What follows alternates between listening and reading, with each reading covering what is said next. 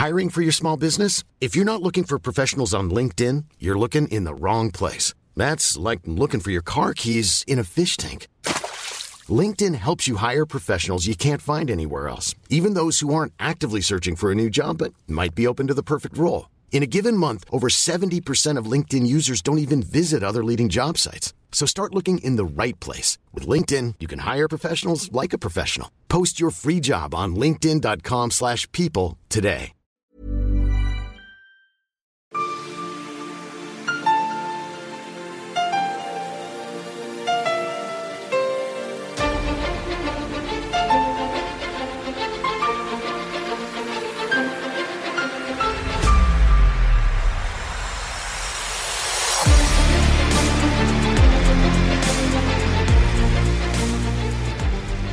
Lyssnar på Militärsnack, podcasten där militära saker blir lätta att fatta.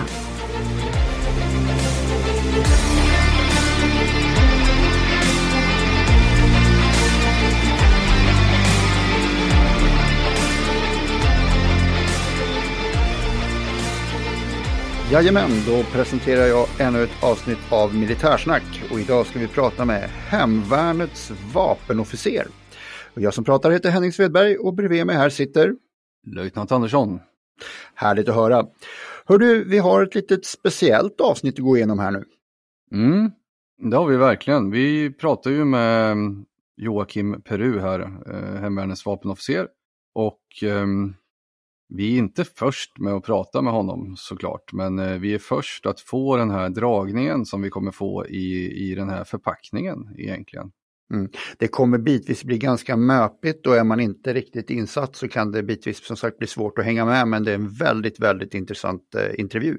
Det är det och eh, det vi hade tänkt att prata om eh, eh det var väl egentligen en, ja, en, införandet av en ny tjänsteidrott eh, som lite, och lite om vad som händer i stort i Försvarsmakten och Hemvärnet på vapenfronten men sen det stora är ju AK6. Ja. Det kommer vi få höra att eh, AK6 eh, finns inte utan det kommer ju heta någonting annat. Ja, så är det. Vi skippar våra andra programpunkter och går direkt på intervjun. Jajamensan, vi ringer till Joakim. Vi ringer Joakim. Ja, med oss här har vi Joakim Peru som är Hemvärnets vapenofficer. Välkommen Joakim! Stort tack, stort tack! Vi har också löjtnanten med, men jag tänkte att eh, den som kräver lite presentation av oss, det är du Joakim, så jag tänkte lämna över mikrofonen till dig så du får berätta vem du är. Eh, tack så mycket. Ja, som du sa, Joakim Peru heter jag. Eh, jag har mitt ursprung på I19 från början, i Boden. Eh, där jag framförallt har jobbat med spaningstjänst, eh, prickskyttetjänst, en del fältarbete och en del und på slutet innan jag lämnade I19. Mm. Eh, jag har de sista tio åren jobbat eh, till och från på Hemvärnets stridsskola eh, i två omgångar egentligen. Och jag jobbar nu då på utvecklingsenheten på Hemvärnets stridsskola. Och jag är ju då Hemvärnets vapenofficer och tillika HVSS vapenofficer, vilket jag har varit då sista året och lite till. Mm. Eh, skälet till att vi har dig här idag är ju lite att det har hänt en hel del saker på den vapentekniska sidan. Och vi tänkte väl att du skulle få berätta lite mer om det här. Vad är det främst som händer inom din härad som eh, är mest intressant för allmänheten? Eh, hos oss händer det ju nu väldigt mycket. Eh, och det händer väl egentligen i hela Försvarsmakten. Eh, hela Försvarsmakten står ju för en historisk ombeväpning där vi i praktiken byter ut eh, nästan samtliga burna eldhandvapensystem under en kommande 10 till 15 årsperiod. Eh, mm. Och i detta då så är jag ganska involverad och jag jobbar ju även då med på det här sammanhållande för, för stridskraften. Mm. Som, som lite amatör på området så kan man ju tycka att eh, vapen, skjutvapen som sådant rent tekniskt, de utvecklas inte så mycket utan vi har sedan Mauser någonstans i slutet på 1800-talet så har väl inte vapnet utvecklats så jättemycket förutom eh, omladdningsmekaniker och liknande. Vad är det som händer nu som gör att AK5 då blir exempelvis blir, eh, har passerat bäst före-datum? Ja, vapnet eh, i sig har, är ju i slutet av sin eh, tekniska livslängd. Eh, och det är ju ganska många system som är där. Det har ju inte hänt jättemycket på vapensidan på 30 år för oss. Eh, så det är egentligen det som sker. Vi byter ut system mot eh, nyare system som ska ha då en eh, teknisk livslängd på 30-40 år till, helt enkelt. Saker och ting blir ju slitna när man använder dem. Mm. Så problematiken som man löser nu, vilka problem är det?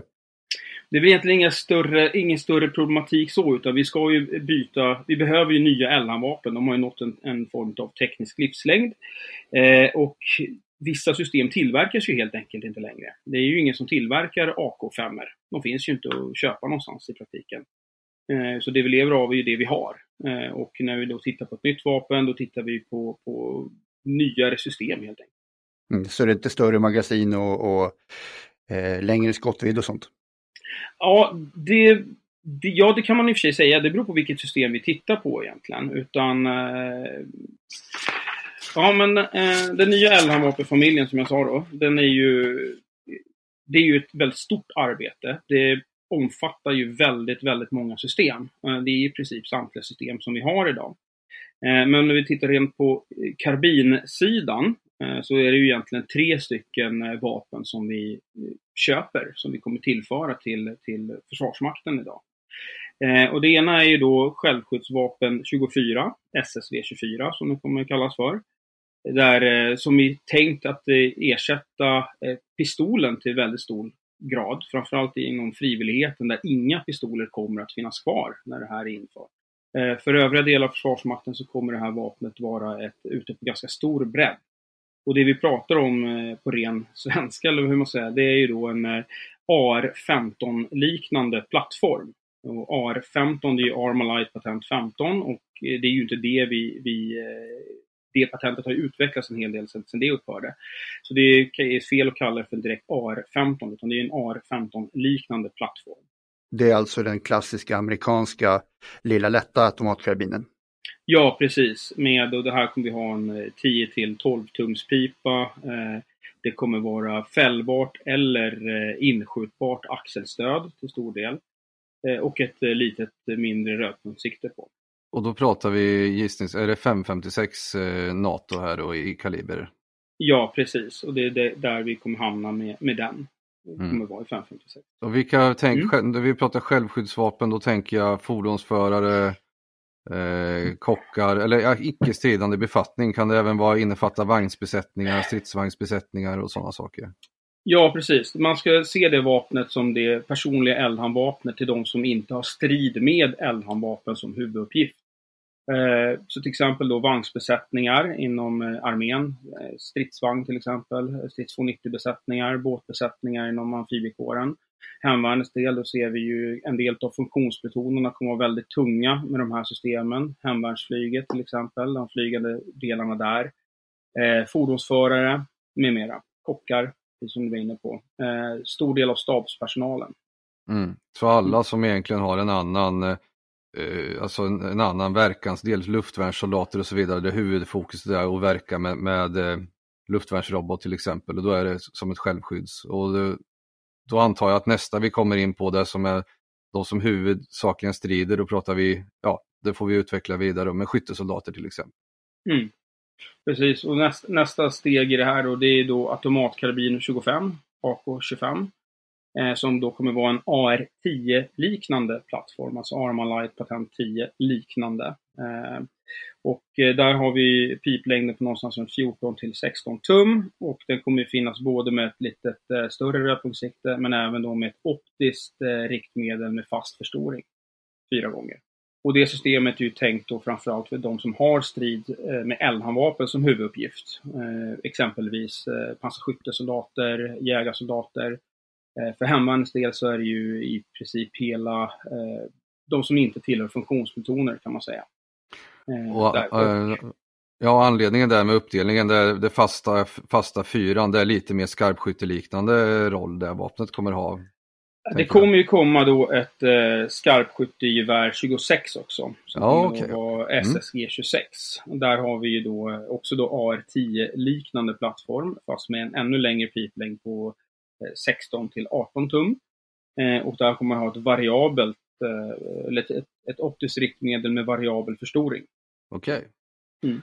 Så vi har eh, självskyddsvapnet och sen har vi egentligen två karbiner varav en skarpskyttekarbin då. Ja. Eh, vad, tänk, vad kalibrarna nämnde vi dem här på de andra? Nej, det gjorde vi inte och det är det som har varit en lite turbulent skulle jag vilja säga egentligen på sociala medier framförallt vad jag har sett och även liksom inom när man pratar med kollegor i armén med mera. För eh, stridskraften hemvärnet så har det ju inte egentligen varit någon jättestor diskussion här eh, kopplat mot kaliber. Men eh, det är också lite eh, missvisande att fokusera just på, på kaliber. När det gäller AR-15-liknande eh, plattformar så där går vi ju till 556. Men när vi tittar då på det som är då AR-10-liknande plattform då ska vi framförallt se att det, det är eh, vi ska inte se till kaliber utan snarare till vad plattformen medger i volym. Ska jag kunna uttrycka mig som. Exempelvis eh, en AR-15 finns det ju inte jättemycket att växa i. Det finns ju de NATO-standardkalibrarna där, men sen finns det ju till exempel 224 Valkyrie, eh, 30 Remington AR, 300 Blackout, 300 Uronen, eh, 338 och eh, 458 eh, Socum bara som exempel på ett antal kalibrar. Eh, det är ju inte riktigt kalibrar vi är superintresserade av att ha som, ha som standard. Det, går, det finns det är svårt att hitta någonstans att växa medan eh, AR10-liknande plattformar medger ju andra saker. Eh, där kan vi till exempel ha eh, 6 eller 6,5 Creedmore, eh, 6,8 Fury, eh, 8,6 Blackout, bara för att nämna några kalibrar. Eh, nu är ju inte någon av dem en NATO-standard idag, men det är ju ingen hemlighet att amerikanerna tittar till exempel på, på 6.8 Fury eh, ganska mycket. Även om, om det kanske är eh, inte helt fastställt hur de kommer gå vidare med det. Eh, och 762 10 som vi använder idag, eh, det är ju inte 762 vi har imorgon just nödvändigtvis. Vi kanske inte har en 147 grains kula eh, med mässingsylsa, utan det kan ju vara någonting annat vi har imorgon.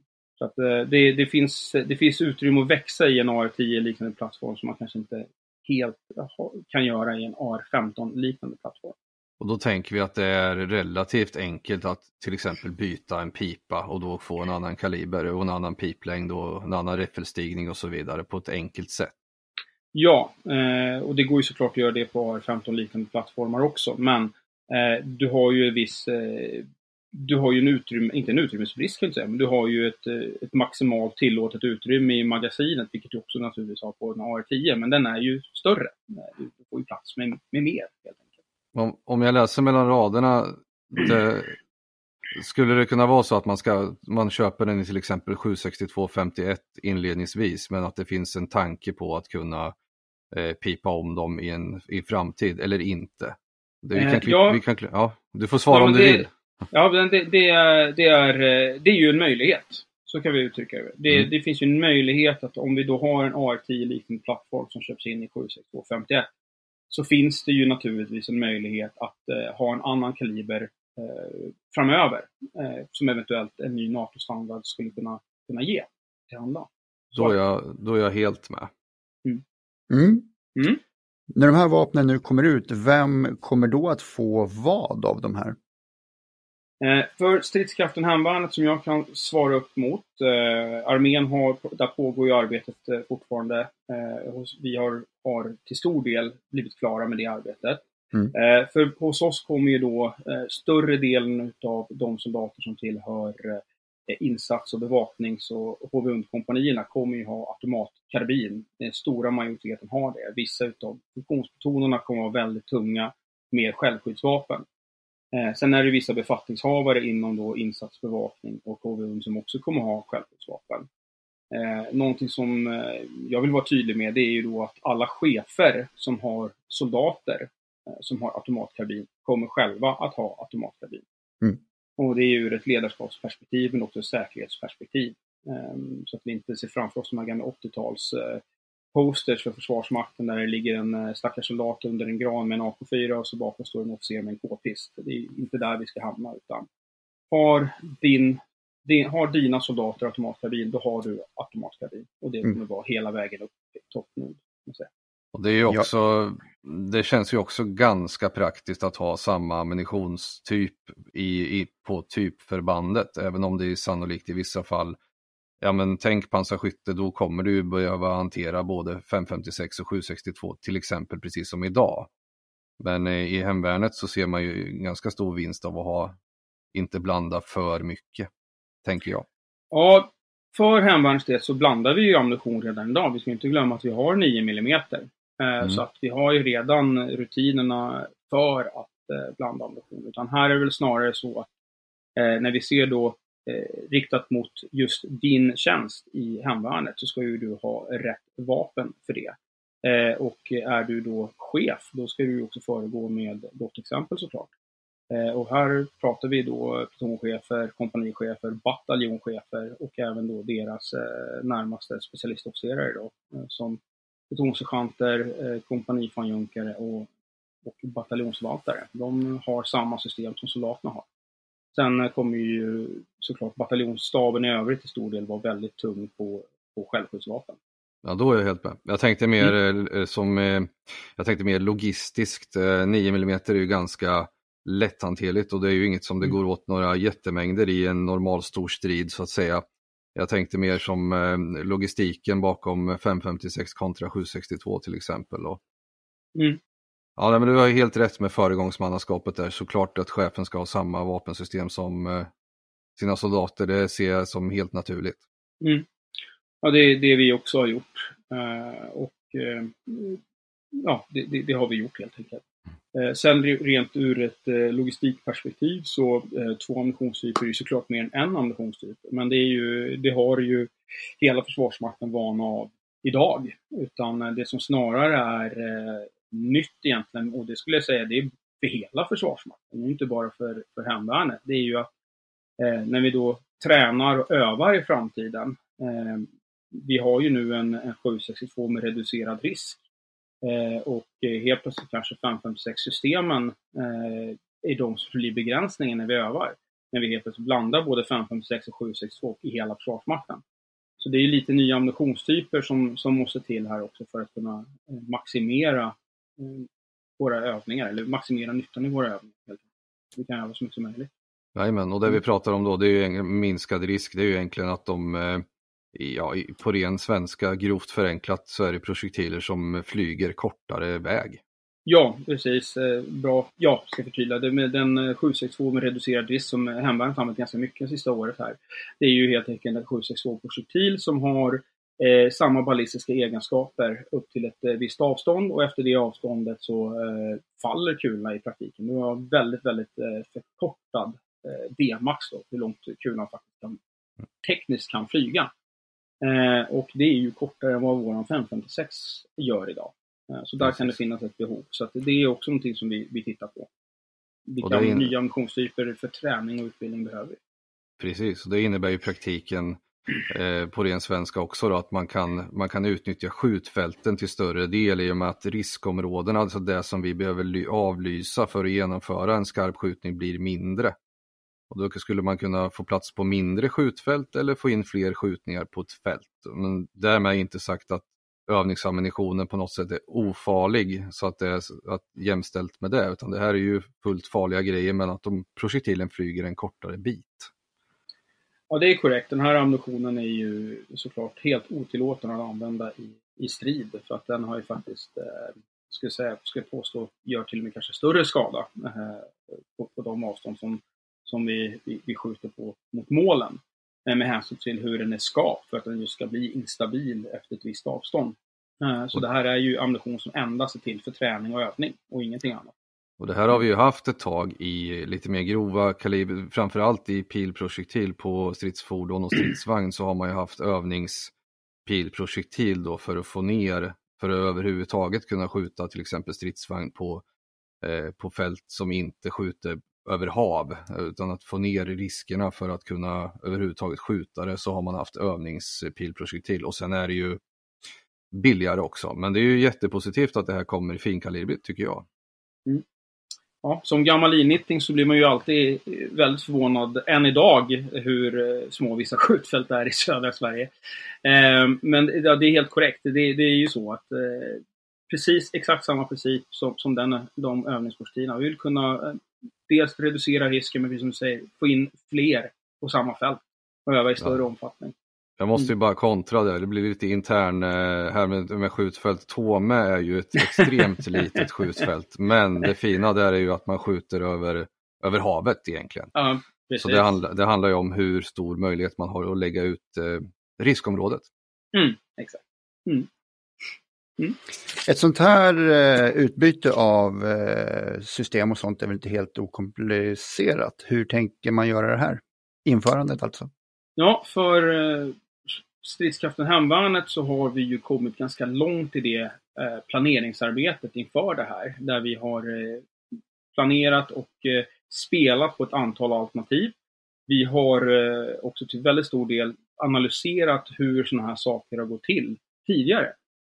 Vi har tittat ganska mycket på, på hur vi införde AK5 och pratat med de officerarna som ett fåtal som fortfarande är i tjänst. De var involverade i just det utbytet. Men vi har också pratat väldigt mycket med våra eh, vänner i väst, eh, norrmännen. För de har ju genomfört det som är egentligen det som är mest likt bytet för hemvärnet. De gick ju från eh, Häcklund Kors G3 till en AR-15-liknande plattform och AR-10-liknande plattform i form av HK416 och 417. Eh, och eh, hur deras utbyte eh, har gått till och vilka miner de gick på i, det här, eh, i den här om, omställningen så att säga, i det här eh, vapenbytet, eh, så har vi försökt att tanka av dem så mycket som möjligt. Så att eh, både jag och arméns vapenofficer har ju varit över till Norge, till Heimevärnets vapenskola och pratat med deras utvecklingsavdelning, Härens vapenofficer och Heimevärnets vapenofficer kring de här sakerna och fått till oss väldigt mycket information i det här. Så utifrån det så har vi ju egentligen planerat då och skapat det som vi kallar för en eh, konceptuell införandestrategi. Hur vi ser att det här ska gå till. Eh, för hemvärnets del så är ju eh, tid är ju det som är problemet, eller det är det som är begränsningen. Men missar vi ett tillfälle med ett förband, då kanske det tillfället inte dyker upp förrän två år senare igen. Så här har vi sett att det som är det absolut viktigaste för att det här ska gå så smidigt som möjligt, för att det är vår målbild i det här. Det här ska ju inte vara hemvärnets huvudtjänst de kommande tio åren, utan det här bytet ska ju ske så smidigt som möjligt. Mm. Eh, och då har vi ju sett att vi behöver ju en kritisk massa utav instruktörer. Eh, och det arbetet är ju redan påbörjat och vi har egentligen eh, forcerat mängden GK Ölac, som är den skjutinstruktörsutbildning som vi har i Försvarsmakten idag. Så vi försöker få ut så många och möjliggöra för så många som möjligt att genomföra den utbildningen. Eh, vi har letat efter vilka tidstjuvar som har funnits, så vi har tittat på tidigare genomföranden där man ofta då har eh, när vapnen kom till förbanden, det var först då man utbildade sina instruktörer och eh, sedan utbildade man truppen. Eh, och det kan ju vara ett, kanske är lämpligt att göra så om man har truppen till hands över tid. Men för hemvärnet så är ju inte det möjligt, utan då har man ju truppen delar av året. Eh, så här har vi tittat på liksom att vi måste få ut eh, en, en viss utbildningspott och börja se till att eh, det finns instruktörer ute i landet så fort som det bara är fysiskt möjligt. Och här ser vi framför oss då att vi inledningsvis under Q3, Q4 någon gång nästa år ser till att vi har en till två instruktörer per utbildningsgrupp som sedan kommer få viss tid på sig att utbilda övriga på utbildningsgruppen. Eh, så någonstans, så eh, de här datumen nu, de beror ju på exakt när system, tekniska system kommer. Men med, de, med, de, med den information som vi har idag så ser vi någonstans att Q1 25 så ser vi att samtliga officerare på utbildningsgruppen är, eh, har utbildning på de här systemen. Och efter det, baserat på norrmännens erfarenheter, så förväntar jag mig nästan att det kommer stå hemvärnsinstruktörer på kö utanför, eh, utanför utbildningsgrupperna för att själva på den här utbildningen. Och hamnar vi där, hamnar vi i ett sådant läge så eh, spelar det egentligen inte jättestor roll vart vi för in vapnet, i vilket förband som får vapnet först, utan det kommer ju finnas instruktörer överallt eh, för de här systemen. Mm. Så det, det, det, är väl egentligen eh, den konceptuella införandestrategi vi har, vi har i stort. Så finns det såklart massa små detaljer i det här eh, som man kan gå ner på i atomnivå, vilket vi, vi har gjort faktiskt. Mm. För att förtydliga om någon mot förmodan inte är med på det på med q så är det kvartal vi pratar om. Ja, precis. Och GK Ölac är också en sån eh, riktigt fikon, militärt fikonspråk. Vi pratade om grundkurs övningsledare automatkarbin. Som är den, den instruktörskurs som finns i Försvarsmakten idag. Jajamensan. Och jag kan även dimpa ner där och säga att eh, Heckler Koch G3 eh, och en AR-liknande plattform, det är ju som Norge, det är ju väldigt smart för en HKG3 är ju väldigt, väldigt snarlik en automatkarbin 4. Så de har ju egentligen gjort det som vi ska göra. Exakt. Mm. Exakt. Mm. Eh, och sen då så har vi ju sett och titta eh, djupare på då vilka tidstjuvar är det som har funnits i de här införandena.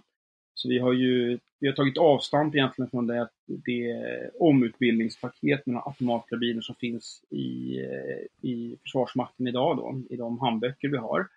Eh, vi har utgått ifrån det, vi har tittat och vi har prövat. Vi har genomfört omutbildning eh, med det som motsvarar ex-personal egentligen.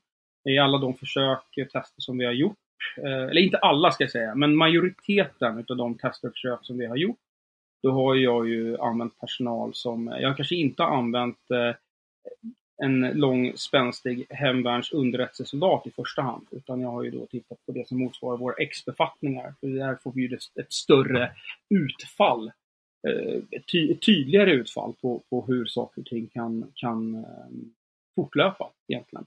Så vi har genomfört omutbildning då från, från AK4 till AR15 liknande plattform med, med ex-personal eh, Eh, och tittat på vart kan vi vart är det tidstjuvarna finns egentligen? Och så har vi ju eh, jobbat utifrån det och skapat ett koncept. Eh, och här har vi ju till exempel sett att utbildningshjälpmedel som stålmål eh, och fragmenterande ammunition är ju väldigt, väldigt viktigt för att kapa de här tiderna. Eh, vi genomförde de här försöken, vi eh, eh såklart dokumenterade alla tider med mera, med mera och när vi då har pratat med våra norska vänner kring de här sakerna och vi har egentligen kommit fram till eh, ett omutbildningspaket som är otroligt likt det norrmännen empiriskt har arbetat fram under deras ombeväpning. Eh, och det som skiljer egentligen är att vi avser skjuta väldigt mycket på stålmål eh, under på själva omutbildningen utav skyttarna. Och här kan vi spara hundratusentals timmar faktiskt eh, i tid. Och norrmännens eh, initiala reaktion var ju att det skulle vi också ha gjort. Eh, och då pratar vi, då pratar vi sådana eh, alltså eh, klangmål, stålmål som ger ifrån sig. Om du träffar dem så dels så kommer de kunna vaja i vinden och sen hör man att man träffar med en, en tydlig klang.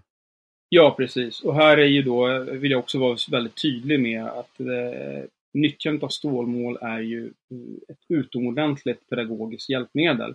Men det bygger ju också på att skytten är färdigutbildad. Eh, när vi pratar omutbildning utav, eh, utav personalen då inför den här ombeväpningen, då pratar vi ju egentligen om de här, eh, de som idag har en fullständig automatkarbinutbildning. Eh, för de här människorna, individerna, kan ju redan skjuta, så det är inte en skjututbildning vi ska ge dem, utan vi ska ge dem en omutbildning mellan ett vapensystem till ett annat vapensystem. Och då ska man ju såklart skjuta ett antal övningar. Eh, och de övningarna kan ju då genomföras mot eh, stålmål. Eh, och det som händer då, det är ju att det går ju otroligt mycket snabbare. Eh, och det är, ibland kan det vara svårt att förstå det om man inte själv har genomfört eh, sådana här skjutningar och varit elev och skjutit. Eh, dels sparar du väldigt, väldigt mycket tid, eh, för du markerar ju inte, utan skytten ser ju själv, eller en observatör ser ju vart skotten tar i målet. Eh, men det skapar ju också en form av eh, belöningscentrat aktiveras när du skjuter. Det är ju väldigt roligt. Och eh, gud förbjude, det kan ju vara kul att skjuta. Och eh, då går det ju oftast lite snabbare. Mm. Lära sig saker. Det vi såg när vi sköt eh, här, det var ju också att eh, eh vi kunde se att eh, personal som normalt sett inte är de är utbildade automatkarbinsskyttar, men de är inga kanske inte skjuter jättemånga skott på fritiden eller mer än vad de absolut behöver. Och här kunde vi också se att eh, de eh, korrigerar ju sig själva i serien. De ser att de träffar till exempel högt eh, höger i sidan på målet och riktar sedan om för att skjuta i B-box. Och det är ju sådana saker som man absolut inte kanske får med sig när man skjuter på papp. Så det finns ju det finns en hel del pedagogiska fördelar med att skjuta på stål. Sen såklart så finns det ju då eh, risker med hänsyn att man kan inte skjuta med dagens ammunition skjuter vi inte på kortare avstånd med 50 meter till exempel. Och du kan ju bara skjuta på fält och inte på skjutbana. Så det finns ju vissa begränsningar i det här. Men gällande tiden då, och det som är det som är flaskhalsen för stridskraften hemvärnet, det är ju tiden. Och där ser vi att vi kan spara väldigt, väldigt mycket tid. Mm. Om jag förstår det rätt så är det alltså för skytteutbildning så är det bättre att man får momentan eh, Eh, återkoppling för var man har träffat istället för att gå fram och titta på en papptavla och sen gå tillbaka och skjuta igen. Så du, du, du får kortare tid mellan effekten av skottet och eh, så att du kan korrigera omedelbart istället för att gå fram och sen gå tillbaka och skjuta om. Eh, det är ju inte en, en, en eh, det är inte vid all skjututbildning, så ska jag, så uttrycka mig, utan för att kunna nyttja stålmål så måste ju skytten vara utbildad. Du måste kunna skjuta och när vi pratar då grundläggande eh, skjututbildning bas, ja men då genomför vi den såklart på papp. Mm. Så exempelvis då i, i, för ombeväpningen av hemvärnet så kommer ju då de som är ex-befattningar idag och som har pistol idag, de kommer ju behöva genomföra en fullödig automatkarbinutbildning. Där kommer det ju skjutas på papp. Eh, primärt, skulle jag säga. Medan då de som redan har en fullständig automatkarbinutbildning idag, som ska genomföra omutbildningspaketet, som är ju då ett eh, annat paket än själva skjututbildning bas, ett mycket mindre paket. Ja, där kan vi ju skjuta på stål, för de här individerna kan ju skjuta redan. Mm. Eh, och här då när man då eh, skjuter på stål, och inte, utöver, utöver att man omutbildar när man bedriver skjututbildning och tittar eh, och skjuter saker och ting som är kanske lite mer avancerade med personal som är redan färdigutbildad, då är ju stålmålet eh, mycket bra utbildningshjälpmedel. Eh, för du ser, du ser dina träffar, du kan korrigera saker, du kan själv känna av hur snabbt kan jag egentligen skjuta på det här målet. Du kan ju genomföra, du skjuter, sen så där blev det för fort, där börjar jag att bomma och sen backa tillbaka. Eh, för den, just den momentana feedbacken, den får du ju inte när du skjuter på papp, utan då Nej. skjuter du dina träffar, du går fram, du markerar, Eh, därefter går du tillbaka och det, bara det tids... Eh, eh, inte tidsförlusten, men den tiden det tar att, att kanske gå 100 meter, markera, gå tillbaka. Där är det kanske lätt att tappa känslan för hur snabbt sköt jag egentligen förra gången? Och hur snabbt kan jag skjuta den här gången? Eh, när du skjuter på stål så märker du det själv. Jag förstår. Mm. Det, vi, det vi pratar om här är ju egentligen, eh, det är ett gammalt, det är, det är väldigt känt det med target feedback, att eh, om vi övar till exempel löst mot en tänkande motståndare så får vi väldigt sällan eh, feedback även om vi har en simulator som det börjar pipa i en väst. Det blir liksom ingen sekundaktuell, eh, du, alltså om du skjuter på, vi säger så här, har man jagat så, så vet man vad jag pratar om här. Eh, man, man, ser hur målet reagerar, man ser om man har träffat eller inte. Eh, gör vi det i en lösövning så kommer ju motståndaren, fienden, inte uppträda som en, alltså sekundaktuell uppdatering träff. Mm. Eh, och skjuter vi skarpt på papp, då kommer ju papptavlan inte ge dig någon feedback överhuvudtaget. Eh, om du inte går och tittar på den. Och då finns det ju de här som folk i folkmun säger Saab-mål, men fallmål 2010 eller fallmål 2020 eller 2016. Eh, olika typer som ger dig feedback. Men de här eh, ska ju dukas ut, eh, de måste grävas värn till, man måste ha batterier och så vidare. Eh, så det här stålmål är ett, mål som ger en, en sekundaktuell feedback och det är lätt att duka. Och med duka menar jag alltså placera ut målen och flytta dem och bygga om en övning. Eh, det är väl mina erfarenheter av, av det, det som du säger. Mm. Ja men det, det är korrekt. Det, det är så vi, det är helt korrekt beskrivet. Vi, vi får ju då, eh, och utöver det också när vi skjuter på Samuel, ofta så har man ju en inställning på hur många träff tar innan den här välter. Eh, och det är oftast ganska, det är ju tunn plåt eller om det är kanaxa kanalplast. Att du ser ju inte, du, du, när du skjuter på ett, ett, ett hårt stålmål så ser du ju din träff ofta med hänsyn till att det blir som en, eh, en, en solros eller som en blomma på där du har träffat. Eh, och egentligen denna omdukning som sker är ju att du spraymålar ju om målet vid vissa tillfällen när det börjar bli väldigt grått. Så. Eh, sen får det stå och torka en stund och sen kan man fortsätta. Mm. Så det, det, finns väldigt stora pedagogiska fördelar mm. med att använda det. Ja, det här är mm. superviktigt för att eh, jag, jag, tycker mig kunna se att om man övar för mycket löst eh, och sen så skjuter man skarpt, ja men då måste man liksom, vad är vinsten med att skjuta skarpt? Jo det är ju att se att man träffar. Annars kan vi mm. lika gärna skjuta löst. Och då Mm. behöver vi ju ha, det ska ju inte vara en lugn och fin miljö där man ligger eh, still och skjuter på papp. Det finns sådana tillfällen med i en skjututbildning, men när vi börjar prata strid och stridsutbildning, då måste vi ha mål som ger oss omedelbar feedback. Eh, om jag behöver skjuta mer och så vidare. För det är så, sån är ju striden på riktigt så att säga. Mm. Så jag är helt med på det. Mm. Ja, så att, eh, jag vet att eh, vi idag så skjuter ju jag skulle säga faktiskt att, Assisi, alltså hemvärnet, skjuter en hel del på stål idag. Eh, MR Vapenoff vet jag ofta bedriver utbildningar skjuter på stål, både när vi har genomfört GK Ölak och annan verksamhet. Eh, vi på HVSS skjuter väldigt mycket på stål just nu faktiskt. Eh, både när vi har haft referensgruppsskjutningar och även när vi bedriver våra egna skolmästerskap med så, så skjuter vi på stål. Eh, väldigt stor del faktiskt. Mm. Men jag har jobbat ju på ett skjutfält här och det här var ju för några år sedan och det var ju en ständigt efterfrågad produkt, eh, så just stålmål då. Inte bara för tjänster, det finns ju tjänster liknande idrotter som IPSC och sådana saker som eh, men det här alltså på, på, bred front, att det börjar bli efterfrågat av liksom hela Försvarsmakten, att det här är bra. Och det är en Mm. ganska simpel grej egentligen om man tänker de här fallmålen vi har 2010-2020 som kostar enormt mycket pengar. Där man tog fram system med scenariodukningar och sådana saker som förvisso är bra.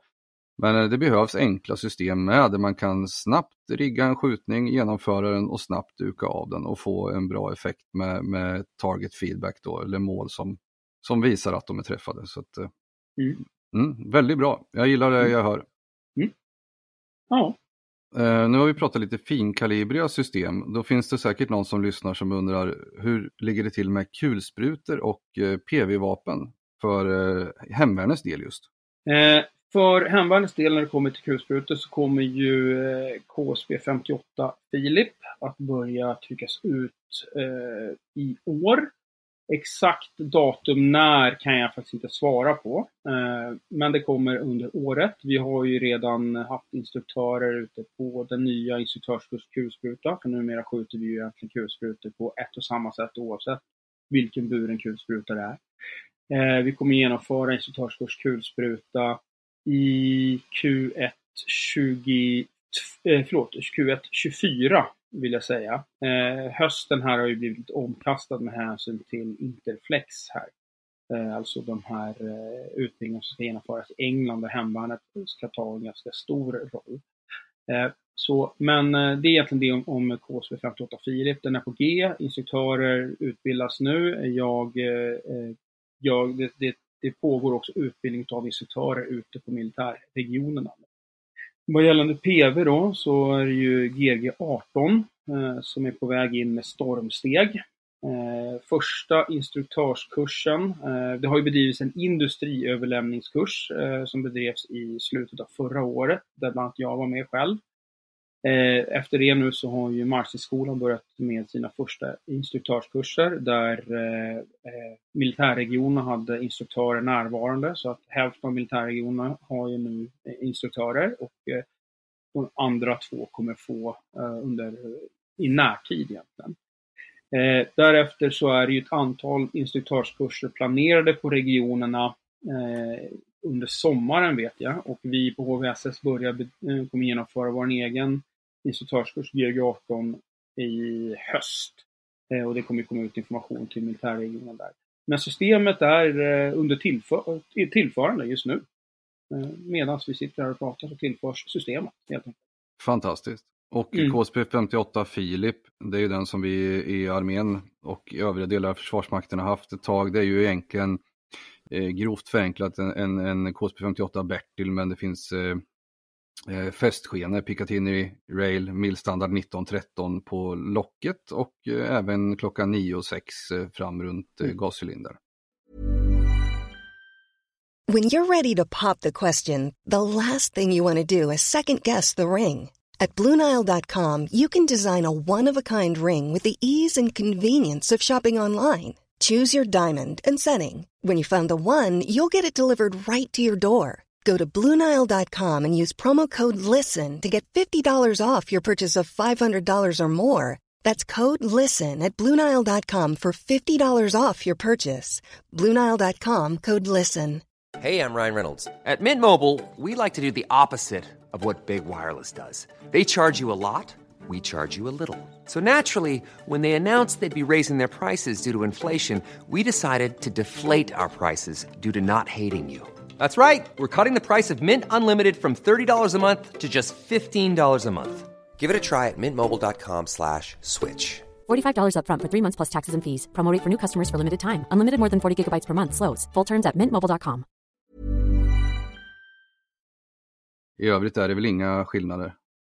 Nej, utan är, den har ju ett rödpunktssikte som sagt. Och Mm. det, det som är eh, fördelen här med, eh, då kan man ju ställa sig frågan varför, varför kommer alla de här systemen nu med eh, massa rails med mera. Eh, vi, stridskraften hemvärn och Försvarsmakten i stort får ju ganska stor tillförsel av både bildförstärkare och IRV, alltså då mörkertermiska kikare eh, som kan vapenmonteras. Eh, det kommer ju även det i år. Eh, IRV-erna kommer ju någonstans i Q3, Q4 att börja fördelas på förband. Och bildförstärkare kommer någonstans eh, strax därefter i min uppfattning. Men nu jobbar ju inte jag främst med sensorer, men jag har hyfsat god insyn i när de kommer eh, och Mm. hur vi ska använda dem till våra system framförallt. Det är det, det, är det jag ser.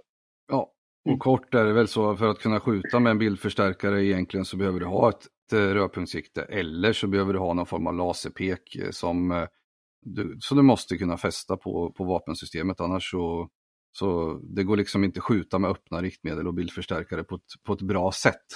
Nej, det skulle jag väl vilja påstå är mycket svårt. Eh, Mm. Framförallt så behöver du ju utbildning för att göra det. Och det är ju då nästa eh, flaskhals för framförallt stridskraften hemvärnet då. Att, eh, tidigt för att genomföra de här utbildningarna. Men det är också någonting vi ser över helt enkelt.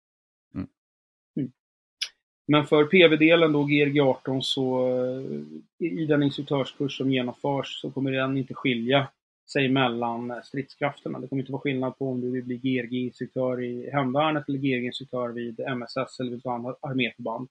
Det kommer att se exakt likadana ut och du kommer att skjuta i mörker med systemet. Eh, så är det. Mm. Du pratar här om GRG 18. Vad, vad är det för någonting och vad gör det som det gamla GRG inte klarar av? Ja, det är en bra fråga faktiskt. Eh, GRG 18, det är ju då Carl Gustav modell 4. Eh, hedliga gamla stupröret i en modern tappning. Eh, det som är den stora skillnaden, eh, ur, framförallt ur ett brukarperspektiv skulle jag säga, det är ju att vikten är halverad. Eh, så från eh, ett GRG modell 48 som eh, landar in på någonstans runt nätta 15 kilo så är vi ju nere på någonstans runt 7,5 och sen beroende på vad man sätter dit för optiska system så hamnar man kanske någonstans, börjar närma sig 9 kilo. Men systemet är ju väldigt, väldigt mycket lättare. Och det märker man ju när man hanterar det. Att det, är en väldigt stor skillnad för brukaren.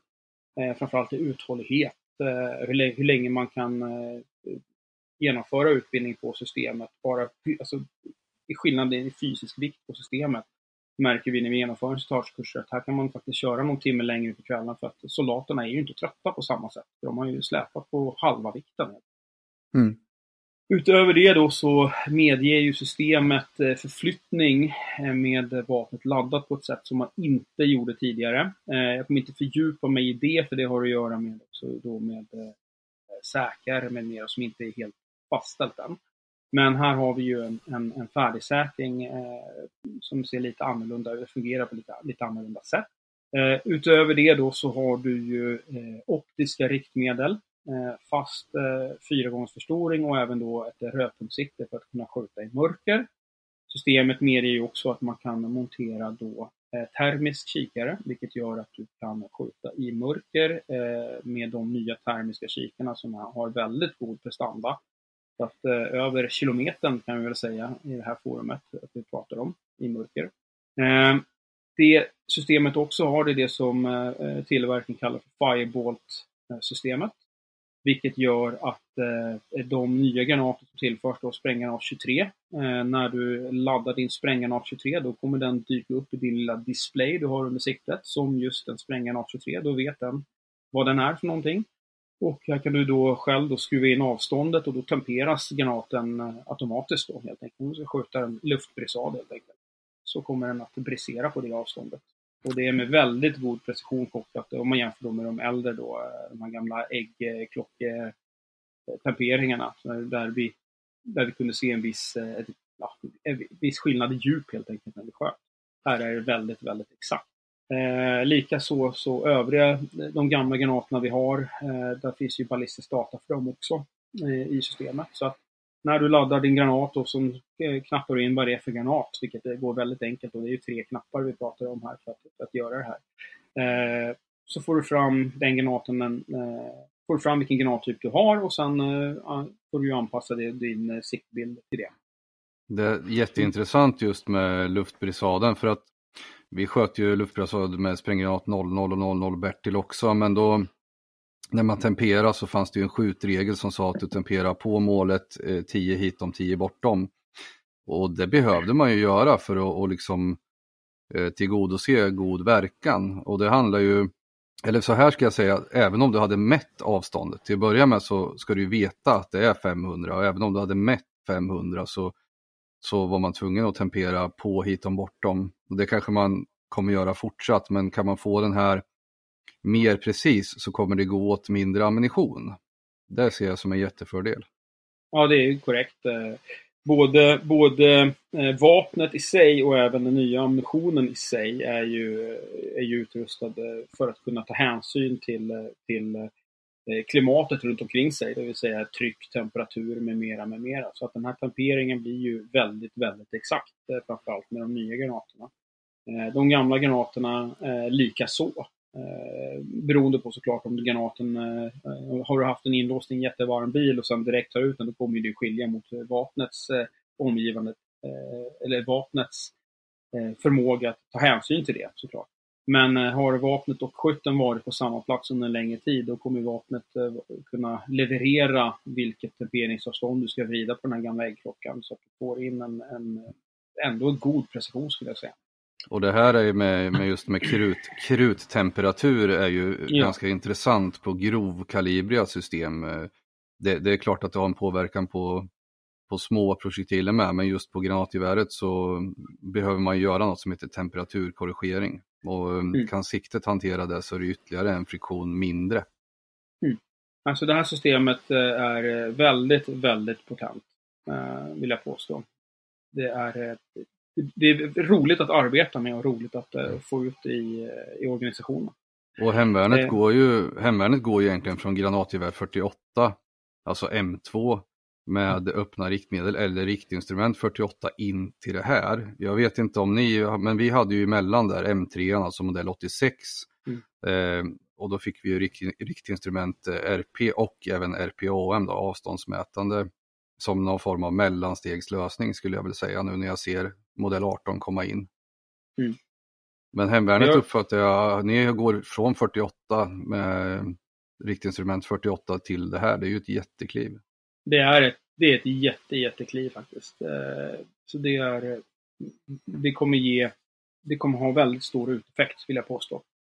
Eh, och det här arbetet har ju faktiskt varit eh, ganska brett så att vi har ju redan, vi har ju redan skapat infästningsmöjligheterna i PB8 till exempel är ju redan klart hur det ska se ut och vart det här vapnet ska sitta.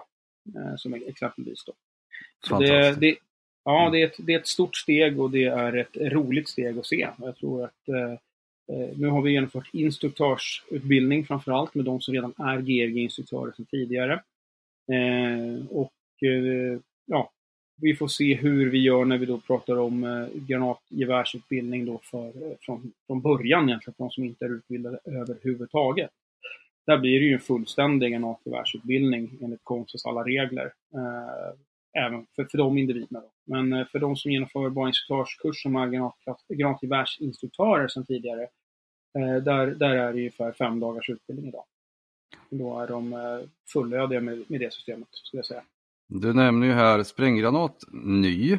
Har vi mm. något annat, eh, har du någon annan eh, ammunitionstyp på gång som, eh, jag, tänker främst spårhuspansarspräng, om det kommer någon 551 liknande eller 571, att något, eh, en annan typ av granat eller är det 75 som vi, är det något du kan svara på eller vet? Eh, just, eh, de exakta detaljerna kring ammunitionsportföljen väljer jag att inte svara på, för där är det ju också ett arbete som pågår. Eh, och jag ska inte färga någon i, i hur det arbetet pågår. Men den, den senaste granaten som finns i ammunitionsportföljen, det är ju då spränggranat 23. Eh, det är den som, som, som finns. Eh, men sen sker det en, en fördjupad syn i det här, det gör det. det, gör det. Mm. Fantastiskt. Ja, det händer mm. mycket, mycket spännande. Mm. Hur kommer vapentjänsten i stort i hemvärnet att se ut framöver med de här nya grejerna? Eh, ja, vapentjänsten i hemvärnet är ju eh, en, en, fråga som jag arbetar med eh, ständigt, så att säga. Eh, och den det är uppdelad i ett antal olika eh, rör, eller ett antal olika ämnen. Dels så tittar vi väldigt mycket då på, eh, som vi redan avhandlat, kopplat då mot eh, utbildningsprocesser och införandeprocesser kopplat till ny eld, nytt eldvapensystem konceptuella utbildningsstrategier, omutbildning, införandeutbildning med mera. Eh, vi ser ju också över alla gamla system och har tittat en del på, på Eh, de manualer som finns idag. För vissa av våra system kommer ju inte att skrotas, de kommer ju pensioneras. Och där är det ju viktigt såklart att eh, de manualer, de publikationer som styr de systemen är eh, så uppdaterade som möjligt när vi ställer in de här sakerna i förråd. Så det har vi ju tittat på, framförallt kopplat mot automatkarbin 4, GG48, PSG90-systemet till exempel. De sakerna så måste vi då, när de grejerna går in i förråd, så ska vi ha uppdaterade publikationer där.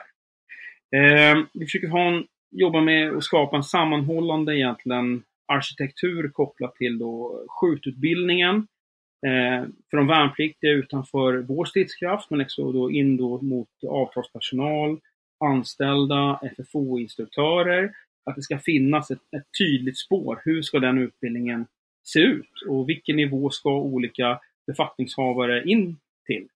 Och även då instruktörsutbildningen. Vi nämnde tidigare då att det finns ju en eh, automatkabininstruktörsutbildning idag. Det är ju GK Ölac, grundkurs övningsledd automatkarbin. Men det innebär ju inte att alla de med äldre eh, instruktörsutbildning är underkända, utan de måste ju såklart invärderas mot de här sakerna. Och för vissa individer då kanske det är att ja, jag behöver egentligen, jag genomför den här utbildningen idag, jag använder mig av de här publikationerna idag och har djup förståelse. Ja, men då kanske man bara behöver gå igenom den digitala läroplattformen som nu finns ute både på It's Learning och eh, i vårt interna eh, system, de FM läroportal. Men vissa kanske behöver eh, skjuta mer och ta till sig de här kunskaperna lite mer praktiskt. Vi tittar också då på hur ska vi genomföra och hur ska vi strukturera då vidmakthållandet och träningen utav våra soldater idag? Vilka paket eller vilka övningar ska de faktiskt genomföra? Vad är det vi får mest uteffekt här? Eh, och även då eh, rikssamhällschefens krav på, på, på förbanden då gällande kompetensprov bas HV. Eh, hur ofta ska det genomföras och eh, vilka kravställningar har vi där? Eh, vi tittar ju också då på rent eh, tävling och idrottsligt skytte då. Eh, håller på att arbeta med införandet av en ny tjänsteidrott skytte. Eh, och vi tittar ju även då på rent utvecklings... Eh, eh, vi håller ju på med rent utvecklingsarbete då där vi tittar dels på publikationer som vi var inne på innan då för kommande LM-vapensystem där vi har haft en referensgrupp inne och tittat på det bland annat. Eh, vi håller på med ja, jag ska säga, ren inhämtning och tittar på vilka system finns ute på marknaden idag från olika tillverkare för att komma i nästa och nästa steg.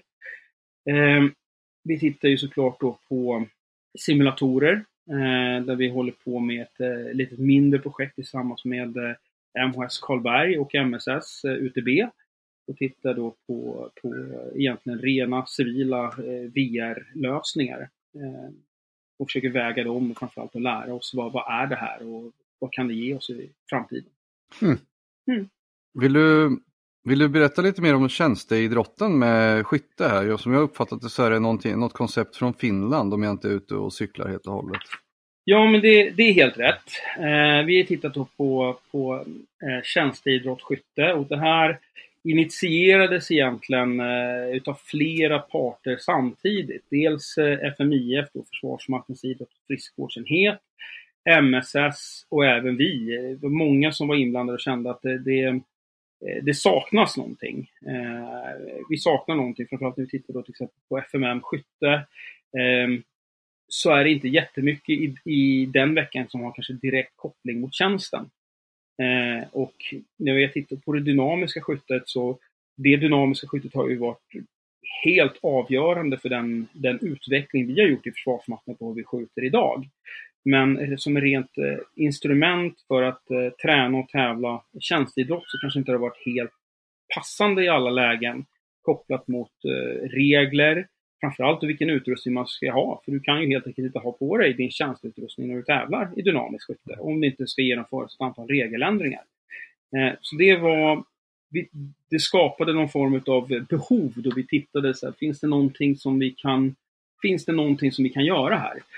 Eh, och då dök ju helt enkelt SRA upp på radarn då, som finnarna använder sig av. Och SRA är ju då, nu får ni ursäkta mig att jag slaktar eh, poesins språk finska här, men Soveletto Reserviles Amonta, som eh, direktöversatt är ju då tillämpat reservistskytte, som vi har valt att då kalla för, för tillämpat tjänsteskytte mm. i Sverige. Eh, och här, eh, vad är det då? Ja, rent krasst så är det ju, har ju det också ett arv i, i dynamiskt skytte. Men det är ju för deras reservister som det här togs fram. Just på grund av exakt de bristerna som jag pratade om här. Att, eh, vad har man på sig när man tävlar? Vilken utrustning använder man av? Vilka vapen använder man av? Och vilka regler gäller? Eh, och här har vi ju hittat någonting som till väldigt, väldigt stor del harmoniserar med vår verksamhet. Eh, dels då så kan vi ju då eh, tävla och träna med vår egen tjänsteutrustning. Eh, vi kan eh, eh skjuta med eh, eh, vi kan skjuta med våra tjänstevapen, som sagt. Vi kan ju också då skjuta i mörker, vi kan ju använda vapenlampor, vi kan använda lasrar, vi kan använda bildförstärkare. Och alla de sakerna som jag nämner nu, det är ju, det är ju materiel som är på väg in eh, i hela Försvarsmakten, för de delar som inte har det än. Vi kan genomföra skjutningar med stridsfältsbelysning till exempel. Det vi också kan göra är att vi kan lägga in andra moment som vi har saknat idag på tävlingar rent för vår tjänst. Exempelvis sjukvårdsmoment eller kast med blind handgranat eller som vissa tävlingar varit i Finland, att vi börjar med att skjuta ett pansarskott. Det är, det är så stationen börjar. Skjuter pansarskott, går över till automatkarbin, eh, därefter kastar en handgranat, går över till pistol. Eh, du kan skjuta från fordon, inifrån fordon, du kan skjuta på ett fordon, eh, alltså ligga ovanpå och skjuta från det fordonet. Eh, målval. Eh, vi kan duka med i princip vad vi vill och här har vi ju haft en eh, förhandling med finnarna och det, ja, förhandling är väl fel ord. Eh, det var, inte, det var inte så mycket förhandling. Vi sa vi tänker skjuta på eh, helfigur 2020 primärt. Och finnarna sa gör det. Det blir jättebra. Ehm, och likaså så kan ju figurerna, till skillnad från, från, eh, från det dynamiska skyttet, där eh, man absolut inte skjuter på den vita figuren utan skjuter på, på, på den andra figuren. Här kan vi ju då duka med vit sida utåt. Och det är fortfarande ett, eh, ett mål. Så länge skytten får det till sig innan start. Så vi kan helt enkelt mellan olika stationer egentligen byta mål. Ehm, så det, det, det, är lite mer utmaning där. Också tillika här så harmoniserar det regelverket mycket, mycket bättre med eh, våra egna säkerhetsbestämmelser, vårt, vårt säkar. Här kan vi vända oss om på ett annat sätt som man inte kan göra i dynamiskt till exempel. Och det är något som framförallt jag och några med mig vet jag har reagerat starkt på. Att när vi vänder oss om så har vi kvar vapnet i en viss riktning och rör oss åt ett annat håll som inte är det vi gör i tjänsten. Och här så har vi en större harmoni med det. Mm. Det låter ju mm. helt fantastiskt så att det blir ju lite som eh, stridsskjutning på, på enskild nivå eh, och på lika villkor framför allt. Det går inte att köpa sig till några fördelar här utan man använder det som man eh, är tilldelad så att säga. Ja, eh, precis. Där, det här är också någonting som vi, vi ser som... Det finns ett antal andra fördelar i det här för att vi kan ju ställa tjänsteutrustning mot tjänsteutrustning. Eh, och vi kommer i framtiden kunna se liksom, eh, vi, vi, kommer ha en 556-klass, en 762-klass, en, en eh, skarpskytteklass men också en open-klass som vi ser som eh, oerhört viktig att den finns. För den kommer ju vara eh, helt utvecklingsdrivande. Det är här vi kommer liksom få till oss väldigt mycket. Eh, både vad gäller teknik och eh, skjututveckling, hur skyttarna genomför den här. Så här har vi sett att eh, de, ja, stora namn som vi har i Försvarsmakten idag som skjuter dynamiskt eh, kan fortsätta med, med eh, kan fortsätta att utvecklas inom detta. Då. Eh, och vi vill ju också vara väldigt tydliga med liksom, att vi ser inget motsatsförhållande mellan det dynamiska skyttet i PSC och det här. Utan det här har ju helt enkelt dykt upp att vi har ett antal behov att fylla. eh, som det dynamiska inte kan göra. Sen eh, vill vi inte på något som helst sätt säga liksom att uh, antingen skjuter du TTS eller så skjuter du dynamiskt. Så är det absolut inte. Jag kommer ju själv fortsätta att uh, skjuta dynamiskt också. Uh, men här för, ur ett försvarsmaktsperspektiv och ur ett tjänsteidrottsperspektiv så är det här någonting som är, passar oss helt enkelt bättre. Det är ett, ett bättre medel för att nå målet med ökad uteffekt. Och allting, eh, allting kommer ju bli ganska enkelt med om du använder Försvarsmaktens vapen och Försvarsmaktens ammunition och utrustning så kan du också rita risker och använda mm. reglementen och sånt som du säger. På, på ett, eh, och är det dessutom en försvarsmaktsidrott så kan du ju utöva den på Försvarsmaktens skjutfält tänker jag. Allting blir ju väldigt enkelt, eller mycket enklare kanske. Ja, precis. Och det som vi har sett och som har varit helt avgörande i det här, det är att vi vill ju få med den värnpliktiga personalen. Vi vill ju att eh, vi ska kunna genomföra försvarsmaktstävlingar med värnpliktig personal utifrån det, de bestämmelser som, som, eh, som vi har för det. Och i då det här så kan vi faktiskt eh, då skapa ett regelverk som faktiskt tillåter det redan från början. Så när du genomför din värnplikt kommer du kunna vara med i de här tävlingarna. Eh, och det här är ju för hela Försvarsmaktens personal. Det är för värnpliktiga, det är för avtalspersonal, det är för anställda, det är för reservare och det är också för våra FFO-instruktörer som man absolut inte ska glömma eh, i våra skytteförbund som också kommer kunna vara medverka i det här. Eh, sen har vi ju sagt att vi ser ju också att vi expanderar denna idrott och öppnar möjlighet för andra myndigheter, exempelvis polis, tull och kustbevakning, och här ehm, så har intresset varit eh, oerhört stort från eh, tullen och kustbevakningen faktiskt. Eh, så det har ringt ganska friskt med kustbevakare och tulltjänstemän som också vill hålla på med det här i framtiden. Så mm. det är riktigt roligt. Det låter det också... lite kul. Ja, och det vi ser då när vi pratar om att vi vill kunna möjliggöra det här för värnpliktiga, det är då också att för, för att komma in i sporten och för att kunna börja med det här så är det ju då eh, Eh, har vi ju varit väldigt noga med att vi ska inte ha ytterligare något skjutprov som är annorlunda än de vi använder idag. Utan skjutprovet för att kunna börja göra det här, det är ju kompetensprov bas. Det är det de ska skjuta. Eh, och sen när vi nu eh, förhoppningsvis får en ny handbok skjututbildning pistol så kommer vi använda det skjutprovet. Fram tills dess så använder vi det skjutprovet som Finland har för pistol. Då. Eh, men så fort vårt eget är klart då kommer vi att, att eh, använda de skjutprov som vi har i Sverige idag. Och då är det ju en, en teoretisk utbildning som, som behöver komma till. Eh, och sen så kan, kan personalen vara med helt enkelt. Det låter ju helt fantastiskt. Det är ju, minst när man var grabb, när det fanns en skjutbana i varje, varje by och det hölls på med sån här eh, eh, fältskytte hette det väl när, när gubbarna gick runt och sköt mauser och det, det är ju sånt som man det finns ju gamla affischer att skjutskickligheten ökar värnkraften och eh, mm. dit måste vi tillbaks. Dock en mycket modernare och det här är ju vägen. Det, det låter jättebra. Kul att höra. Mm. Ja, det, det, det är roligt. Det är mycket roligt. Sen eh, nu, nu, just nu är vi ju i arbetsläget att ehm, eh, vi, eh, vi håller på att konstituera oss. Vi håller på att eh, utveckla det eh, regelverk som finns. Eh, det finns ju då ett finskt regelverk som även finns på svenska och engelska. De håller på med en ny regelbok och vi ska hjälpa till att översätta den. Det är ju lite skillnad på finsk svenska och ren svensk svenska så att säga. Så där vi försöker bara liksom att harmonisera vissa begrepp eh, mot då eh, Försvarsmaktens säkerhetsregler, eh, säkerhetsreglementen. Eh, så det, där är vi nu och eh, ja, så har vi dialog med båda våra eh, skytteförbund eh, och ser vem av dem det är som är intresserad av att ta in det här. Mm. Kul att höra. Mm. Mm.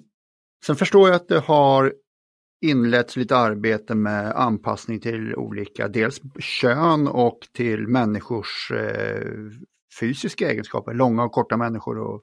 Ja, eh, ja och nej skulle vi säga där. Det vi har gjort egentligen, vi, vi jag nämnde tidigare att vi genomför översyn av eh, gamla handböcker och manualer inför att vi ska förrådställa vissa system. Då.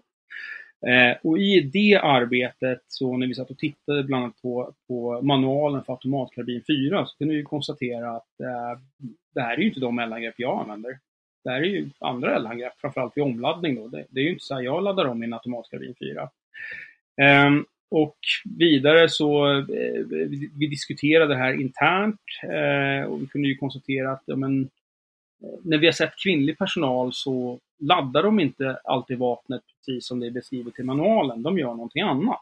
Eh, så det var egentligen det som, det var där egentligen det började. Och i samband med det här så fick man ju själv tillbaka en massa minnesbilder från eh, när man själv var Fenrik och stod utbildad ute på någon skjutbana. Och så kom det då någon från grannplutonen och sa du, eh, den här kvinnliga soldaten här, kan du liksom utbilda henne lite mer? Hon behöver utbildning och säkra sitt vapen, för det klarar hon inte av. Och jag kunde ju konstatera efter ungefär fem sekunder att det är inte en utbildningsfråga, det är säkerhetsomställaren som är för kort. Säkerhetsomställaren når inte hela vägen till hennes tumme. Det är ett tekniskt problem, inte någonting annat.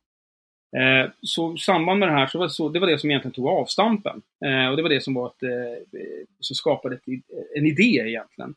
Eh, och vi började titta på det här eh, ur ett perspektiv egentligen. Vi, vi, det började med ett perspektiv att det här är stor del av kvinn, eh, den kvinnliga personalen faktiskt kopplat mot, eh, mot systemet AK4 använder, använder inte de eldangrepp vi har idag. Då är det ju eldangreppet vi behöver se över. Vi behöver titta på det här. Eh, så där jag lyfte den här frågan på det stora vapenofficersmötet i Kvarn vecka 48 och fick väl egentligen, eh, ja, det var ju ingen som ifrågasatte det utan alla satt och stilla där och tänkte väl mer eller mindre och ja, sen då återkopplade till mig att ja, det här borde vi ha gjort för 30 år sedan. Varför har vi inte gjort det här? Det här är ju jättekonstigt. Mm. Ehm, så vi började titta vidare där. Jag började också höra av mig till, till andra förband. Jag lämnade egentligen automatkarbin 5 utanför det här med hänsyn till då att systemet är på väg ut och vi har inte det i hemvärnet. Men jag började titta på de eh, förband och de enheter i Försvarsmakten som har AR-15-liknande plattformar idag. För de finns ju redan i Försvarsmakten. Och pratade med dem och frågade liksom, är det här någonting som, ser ni också det här som ett problem? Ehm, och ja, problem såg de väl kanske inte så, men eh, du har rätt. De använder inte de mellangrepp som finns beskrivna i manualen. De gör någonting annat. Ja, då kom vi fram till att vi ska nog se över det här. Och började titta lite grann på var kommer de här eldangreppen ifrån? Och rent kortfattat så kan man ju säga då eh, att eh, de manualer som vi har idag, som är skrivna av Försvarsmakten, tar ju till väldigt stor del avstamp ifrån de instruktioner som FMV eh, skapar för respektive system. Och de i sin tur eh, tar ju såklart avstånd från tillverkarens eh, instruktioner som tillverkaren har skrivit. Och för vem skriver tillverkaren instruktionerna? Jo, de skriver ju för instruktionerna för det som de tror är en generisk soldat. Och det är ju såklart en högerskytt, man som är 1,80 lång och väger 95 kilo. Och det är ju bara att titta på vilken gymnasieskola som helst på de, på de soldater som är på väg in i systemet och de, på de soldater vi har idag. Så ser ju inte soldaterna ut eh, i majoritet. Det är såklart att vissa gör det. Men då kanske vi ska ta, ta titta på, se över det här och skapa eh, eldangrepp som är eh, enklare eller som kan användas med eh, ergonomiskt smartare, ska jag uttrycka mig. Eh, för som sagt, vi tittade på det här, det började ur, ur perspektivet kvinna, men sen så tittade vi på, men vänta nu här, de värnpliktiga. Eh, de kanske inte alla är byggda som jägarsoldater på K4 eller K3. Eh, det finns andra typer utav fysisk förmåga hos dem. Och även också ur totalförsvarsperspektiv om vi tittar på, på läget i Ukraina. Vi, om vi har manualer som kräver att du är 1,80 lång och väger 95 kilo för att du ska genomföra det här på ett korrekt sätt flera, flera gånger. Då, nu pratar då egentligen betydelsen av drill för att lära sig hantera ett system. Ja, men är, det, är, det verkligen, är det verkligen den metoden vi ska ha? Eller ska vi ta avstamp ifrån en metod att det är kanske någon som väger 55 kilo och är kortare? Och kanske inte jätte, jättestark när de rycker in. För att, att metoden sen utvecklas, det är en helt annan sak. Men när vi börjar och börjar lära någon hantera ett vapen, börjar lära sig ladda, omladdning, eh, patronur, eh, magasinsbyte. Ja, men när vi börjar drilla de här sakerna, då ska vi ha, kanske ha metoder som är så ergonomiskt smarta som möjligt. Egentligen. Så det var det arbetet vi, vi, vi skapade egentligen. Och då bjöd vi in eh, personal, vi bjöd in eh, kvinnor från hela Försvarsmakten Eh, som både har eh, AR15 och AK4 idag och AR10. Eh, och sen fick ju de egentligen, eh, ja, på ren svenska, jag låste in dem i eh, olika rum med sina system, med eh, manualer och helt enkelt eh, ta fram de metoder som ni faktiskt använder med avstånd för de manualer vi har kopplat dem mot de säkerhetsbestämmelser vi har. Eh, och titta på det här. Vad är det, vad är det ni faktiskt gör?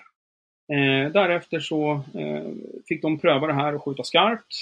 Och därefter så blev det lite tid att eh, skruva skruva, förbättra och titta på det här på ett annat perspektiv. Och därefter så ja, fram och tillbaka mellan skjutbana och skrivbord egentligen ett antal gånger. Och därefter fick ju de här tätorna utbilda varandra. Så att de som har AK4 idag fick ju då utbilda den personal som aldrig sett en AK4 förut, som har AR15 och AR10 idag. Och liksom, det är det här som är metod, och så prövade vi det. Och likaså de som har AR10 och AR15 idag, men liksom prövade det på de som har AK4. Eh, och vi kunde ju konstatera liksom att eh, punkten 1 i båda manualerna, både för AR-systemen och eh, automatkarbin 4, det är ju liksom kontrollerat vapnet säkrat. Punkten 2, det är ju vrida upp vapnet så att det pekar åt, eh, med magasinstyrningen då inåt. Punkten 3, där avvek det. Och därifrån så, så avvek ju allt. Då gör ju personalen någonting annat. Och då såklart ska vi ju se över det här. För eh, vissa saker, eh, det kanske inte är totalt statiska sanningar. Det är bara att se till mig själv. När jag ryckte in, eh, då laddade man AK4 på ett speciellt sätt. Oavsett om du var högerskytt eller vänsterskytt. Du hade ju AK, eller fel, AK5. Du hade ju AK5 i vänster hand, magasinstyrningen åt höger, du förde in magasinet från höger, du drog tillbaka manöverantaget, släppte fram det. Punkt. Det var så du laddade en AK5. Punkt. Och det är ju inte så vi laddar våra AK5 idag. Så att det här är ju såklart en, en process som vi ska se, se, se över, över tid. Och nu så var det egentligen bara en ren uppdatering. Vi kunde konstatera att vi, behöver se över det här. Så att vi inte låser eller pensionerar system med manualer som inte är adekvata. Det är jättespännande för jag kommer ihåg det som du sa också som Fenrik där att eh, ja, eh, säkra, säkra med höger tumme. Och det räckte ju att det var en vänsterskytt så, så började de ju på att säkra med flytta händer och sådana här saker. Ja. För att överhuvudtaget kunna göra det. Och det var väldigt digitalt också som du säger att eh, det var inte vad som skulle ske som beskrevs att kontrollera att vapnet är säkrat, sätta i magasin och göra en, en eh, mantelrörelse eller manö, utan det stod, var ju uppstyrt med precis hur, att det skulle ske med vänster hand och höger hand och så vidare. A lot can happen in three years, like a chatbot may be your new best friend. But what won't change? Needing health insurance. United Healthcare Tri Term Medical Plans, underwritten by Golden Rule Insurance Company, offer flexible, budget friendly coverage that lasts nearly three years in some states. Learn more at uh1.com. Eh, och det, det, det gick ju ganska snart tills man insåg att eh, alla kan inte göra det här. Nej, precis. Och eh, i, i det här arbetet som vi genomförde nu senast så, så hade vi faktiskt med oss representanter från FMV. Vi skulle haft representanter från MSS, men där var det ju sjukdom som kom i vägen tyvärr. Men eh, det var väldigt tacksamt att FMV var med, för det blev väldigt tydligt just det här då, det jag beskrev då. Att, eh, man kunde, FMV kunde ju själva se att eh, ja, från punkten 3 i våra instruktioner, där avviker det. Från punkten 3 så avviker det. Och då blir det väldigt tydligt också att oh, men det här är kanske något vi måste ta hänsyn till när vi skriver våra instruktioner. För det här kommer ju föda in i manualerna sen. Så att det, det, var, eh, det var ett bra utfall på, på, på det här faktiskt. Mm. Um, mm. Ja, men det, det är, alltså, vi behöver se över de här manualerna. Hur, um, eller vi har sett över manualerna. Hur, hur gör vi med våra ellanvapen? Hur ska, vi, hur ska det se ut i de här manualerna när vi ställer förråd? För att om de här sakerna står i förråd i 40 år och de kommer ut, då ska det vara så det absolut senaste. Hur brukade vi de här vapnen när de åkte in mm. i bergrummet? Och även de system som kommer in nu när vi tittar på AR-15 och AR-10. För någonting som är också en lärdom från norrmännen som också har fött in det här, det är ju att eh, norrmännen var ju väldigt tydliga med att påpeka att när vi gjorde våran ombeväpning, då hade vi inte alla manualer och alla instruktioner på plats. Och nu, 14 eh, år senare, så står vi fortfarande och sliter med vissa avarter ute på, uh, ute på vissa förband när man inte genomför omladdning eller inte genomför eh, ladda patroner eh, på det sättet vi vill att det ska genomföras. Och här då för att, eh, och då, då vill vi egentligen fånga det här i den processen redan nu och förbereda så att vi kan få ut de här publikationerna så fort som möjligt när ett nytt eldanvapen kommer. Det är inte då vi ska börja titta på hur ska vi egentligen göra när vi laddar vapnet. Det ska vi ha klart för oss ganska långt innan. Sen kanske det är vissa saker som ändå behöver förändras med hänsyn till tekniska specifikationer eller tillverkarens krav såklart. Men då har vi åtminstone gjort ett arbete innan. Kanon! Framförallt det du säger med förrådsställningen där. Det är ju inte säkert att det finns något kollektivt minne när de här grejerna kommer fram, precis som du säger. Nej, precis. Det, vi kan ju anta att det inte gör det. Eh, kan vi göra. Mm. Mm. Absolut. Ja, då har vi fått en ganska så bra bild över vad som händer i din värld just nu. Då. Mm, det skulle jag väl säga. Eh, och det är ju... Ja, jag tycker att det är tydligt att jag har världens bästa jobb på världens bästa arbetsplats i alla fall. Det är... Gött att höra. Ja. Men eh, en, sak som, eh, en sak som slog mig, det pratas ju mycket om AK6, det blir ju egentligen ingen AK6. Det vart en, en 24, en 25 och en 26 va? Ja, precis. Det blir ju då ett självskyddsvapen 24, automatkarbin 25 Ehm, eh, ehm, och eh, skarpskyttegevär 26. Ehm, och ja, så kommer ju andra system komma in då. Beroende på när kulsprutan kommer in kommer den också dateras på, till, till exempelvis KSP 27. Nu säger jag inte att det är KSP 27, men det kommer ju hamna där någonstans. Och PSG 24 eller 25. Eh, det kommer ju, när systemen kommer så kommer de ju då dateras efter införandet egentligen. Eh, så är det. Så att AK6 är väl ett, ett arbetsnamn man hade från början men som eh, ja, inte är aktuellt längre helt enkelt. Och så får vi se vad det här blir. Det kommer ju mm. sannolikt heta någonting i, i mm, industrinamn, eh, likt mm. HKG3 och sen kommer FMV eh, döpa det här till någonting och sen kommer vi kalla det för någonting när det är färdigt och först då är det klart. Ja, det är det som är det också intressanta med att eh, jobba i en utvecklingsprocess över tid. Det är ju bara ett pennstreck ifrån, sen ändras ju allting kapitalt här. Så kan det ju komma att vara. Mm. Nu har vi kommit ganska långt i det här arbetet. Jag tror inte att det blir så. Eh, utan nu är det ju upphandling på gång helt enkelt. Men, eh, eller upphandlingsarbetet är ju uppstartat, så, så, snarare säga. Eh, men ja, saker och ting kan komma att ändras. Eh, så är det. Mm. Så är det alltid. Joakim, vi får tacka dig så mycket för att du har kommit hit och varit med. Du har eh, tagit oss till både Norge och Finland i det här och det har varit väldigt spännande att lyssna på det du har, har att berätta. Tack själva, tack för att jag fick vara med. Superkul. Vi kommer säkert finna anledning till att ringa dig igen. Jag är ett telefonsamtal bort. Mm. Fantastiskt. Stora tack! Tackar vi så mycket. Stort tack hörni! Hej då, hej då! Hej! Ja, där hörde vi ju då Joakim Peru, hemvärnets vapenofficer. Och mm. eh, även mig och Henning lite grann. Och eh, vi måste säga att det här var ju en synnerligen intressant eh, intervju. Ja, dels är den ju spot on så att säga, det, vårt ämne. Det är rätt i tiden för det är helt nya grejer, det är nyheter och det, det är vissa grejer som du nämnde innan här att det, det, är inte allt som har kommit ut och det är inte allt som är nytt men, men mixen och eh, sammanslagningen av den är ju nästan unik. Mm, det måste jag säga och det, är ju, det här är ju intressant för allt ifrån eh, sådana som mig som jobbar i Försvarsmakten till eh, militärt intresserade personer till hemvärnsmän och eh, ja, men allmänt, allmänt någon form av intresse så finns det ju små godbitar att plocka ur kakan så att säga. Jajamän, och har man lyssnat ända hit då tänker jag att jag ska be våra lyssnare att dela med dig av den här filen. Tipsa dina vänner, dela den och gilla. Jajamän. Skicka gärna in frågor till oss på eh, militarsnack.gmail.com och framförallt kolla in oss på Facebook. Jajamän, vi har ju en Facebook-sida som heter Militärsnack Podcast som man eh, gärna får följa, gilla, kommentera och så vidare. Jajamän. Ja, med det löjtnant, då har vi ett avsnitt och tackar för denna gång. Jajamensan. Tackar så mycket. Hej hej. Hej då, hej då.